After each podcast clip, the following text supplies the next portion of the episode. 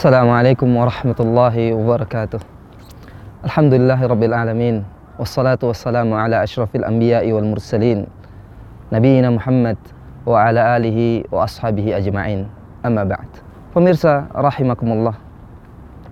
Doa doa adalah ibadah yang spektakuler dalam Islam.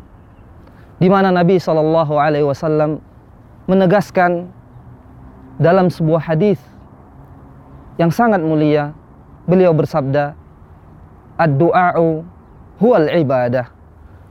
Doa itu adalah ibadah. Dalam riwayat lain beliau juga memberikan penegasan yang sama.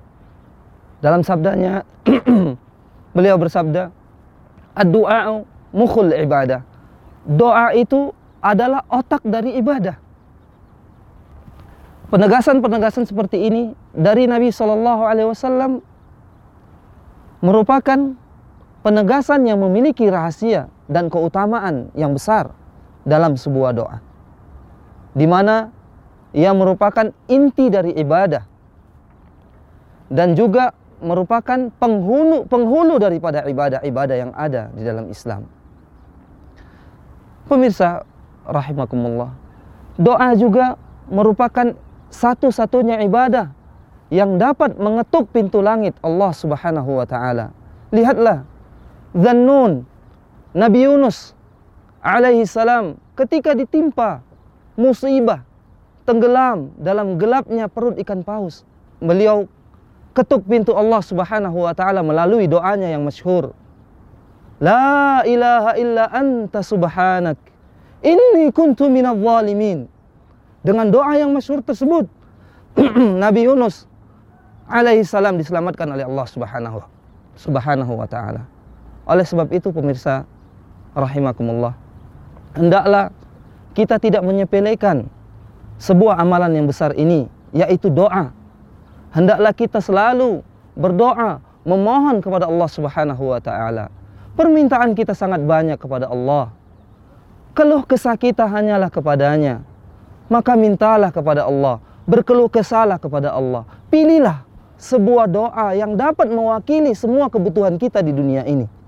Seperti doa yang sangat masyhur yaitu Rabbana atina fid dunya hasanah wa fil akhirati hasanah wa qina adzaban nar.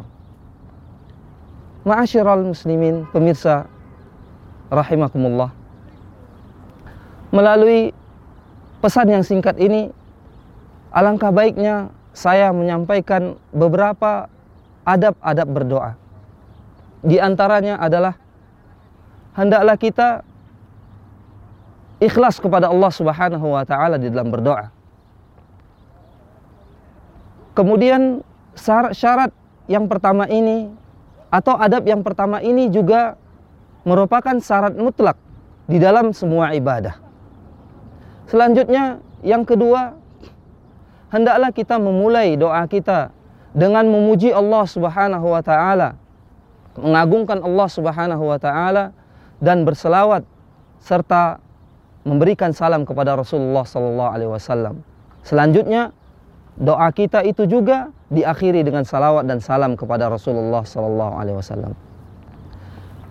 Adab yang seterusnya hendaklah seorang yang berdoa kepada Allah Subhanahu wa taala jangan tergesa-gesa untuk menuai pengkabulan dari Allah Subhanahu wa taala. Dalam sebuah hadis Rasulullah sallallahu alaihi wasallam bersabda, "Inna Allah yastajibu li ahadikum ma lam ya'jal."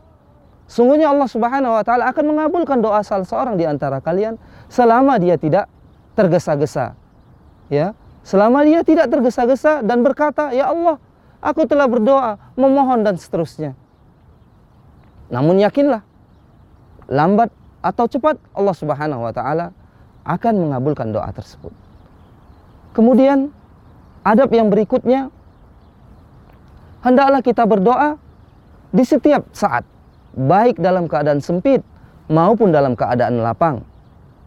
Di mana juga Rasulullah SAW bersabda, "Yastajibu innallaha yastajibu li ahadikum fi syada'id wal karab ya Sungguhnya Allah Subhanahu wa taala mengabulkan doa salah seorang di antara kalian baik dalam keadaan sempit maupun terjepit.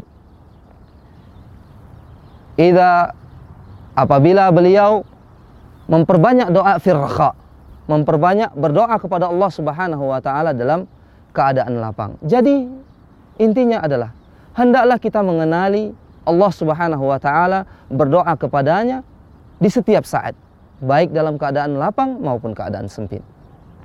Pemirsa rahimakumullah, mungkin hanya inilah yang dapat saya sampaikan pada kesempatan berikut ini. Kiranya apa yang saya sampaikan dapat memberikan manfaat yang banyak kepada kita. Wabillahi taufiq wal hidayah. Wassalamualaikum warahmatullahi wabarakatuh.